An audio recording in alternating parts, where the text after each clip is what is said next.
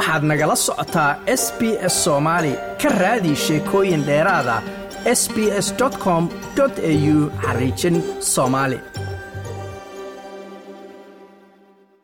boris johnson wuxuu isku casilay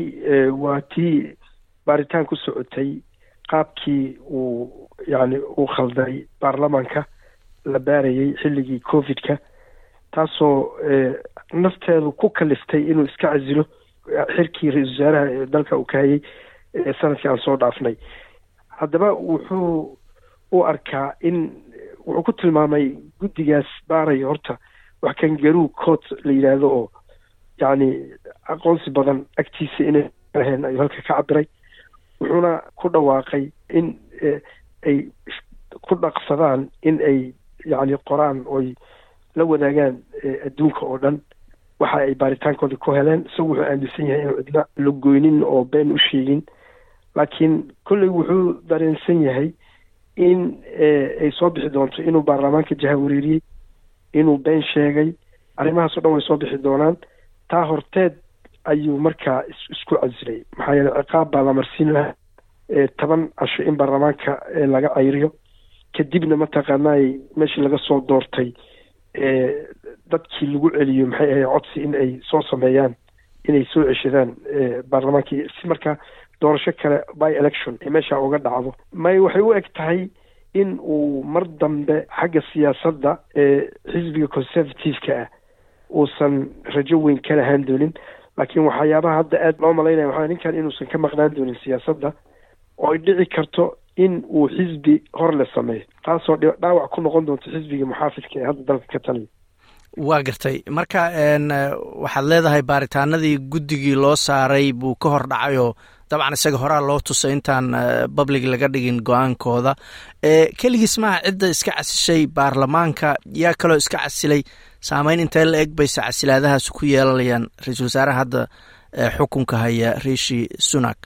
Gabar naadin doris la yidhaahdo way is casishay. Waxaana la leeyahay waxay isku casishay ma aha. Wax kale ee liis baa jirtaa ninkan uu soo yani boris johnson uu soo gudbiyey oo in abaalgud la siiyo oo yacni biladaha ay bixiso boqortooyada in in la siiyo uu u soo yacni gudbiyey liiskaasi dood baa ka timid iyada markaa magaceeda wuu ka maqnaa liiskaas runtii waa laga reebay sidaa daraaddeed isku casishay wayna ka falcelisay shalay waxayna tiri waxa weeye gabar waxay tahay soo dadaashay laga bilaabo afar iyo toban jirkeedii ilaa iyo meesha hadda ay soo gaartay. Hase yeeshee ee laga hor istaagay in ay hesho abaalgud ay mudneed waxayna u aanaysay laba qof oo ay leedahay markaa iyadu may magacaabin. Dadka mataqaanaay madaxda sare ah oo ay u aragtay in iyada ay macnaha ahayn qof ka soo baxay kalaaska sare oo sidaas macnaha looga takooray oo looga reebay bay eedaysay laakiin wax kaloo falcelin oo hadda arigaa ka soo baxay lama hayo. Laakiin wax weyn oo hadda saameyn oo ra'iisul wasaarahan ay ku yeelanaya waxay ku yeelanayaan dee kursigii ay ayaga baneeyeen in ay doorasho ka dhacdo oo laga qaato oo sidaasi ay mataqaanay majoritigiisi ay u yar nusqaamiso inkastoo wax weyn ayna ka qaadaynin hadda. Waa gartay guud ahaan shacabku sidee uga falceliyeen boris johnson? Nin siyaasadda aada ugu soo jiro la yaqaano caanahoo conservative u ahaa. Sidee looga falceliyey guud ahaan warbaahinta iyo shacabka dalka? Warbaahinta qaarka way kala qeybsan yihiin. Qaar inuu beenaale yahay oo macnaha la gooyey baarlamaankii nin mataqaanaa kala qeybiyey dalka. Siyaasaddiisana un ay ahayd inuu ka saaro muxuu ahaayey u k uu ka saaro yurub un inay ahayd oo cambainer uu yahay oo nin mataqaanay aada iyo aada u ololaha ugu fiican uu yahay oo mataqaanay afminshaara intaasay ku eeleeyeen kuwa isaga yacni ka soo horjeedo ee taageersan dee axsaabta mucaaradka kuwa isaga la jirana waxay ku tilmaameen in ay tahay nasiib darro in loo heshiiyey in mataqaanay ujeedadii wax uu nin walba yacni kari waayey oo ah in yurub laga saaro u k uu ku guuleystay inkasta oo mataqaanay yacni yani shacbiyad ahaan marka la eego dadweynahana way sida ay macnihi warbaahinta ay isku khilaafsan tahayba iyagana isku khilaafsan yihiin marka dadna waxay u arkaan nin mataqaanaa wax weyn qabtay dadna waxay u arkaan nin ingiriiska siyaasaddiisa meel xun ku riday inuu yahay bay bay u kala arkaan waa gartay koleyba ninkan sidaa hore u sheegtayba jagadii ra'iisul wasaarnimada laga tuuray oo xisbigiisu ka tuuray kadibna gabadhii ka qaaday listras markii iyadana laga tuuray xataa mar isku damca inuu dib ugu soo noqdo waa u suuroobi weyday hadda baarlamaankii oo dhan buu ka baxay. Welima waxaa jira dad qaba ama siyaasiyiin ha noqdeen ama shacabka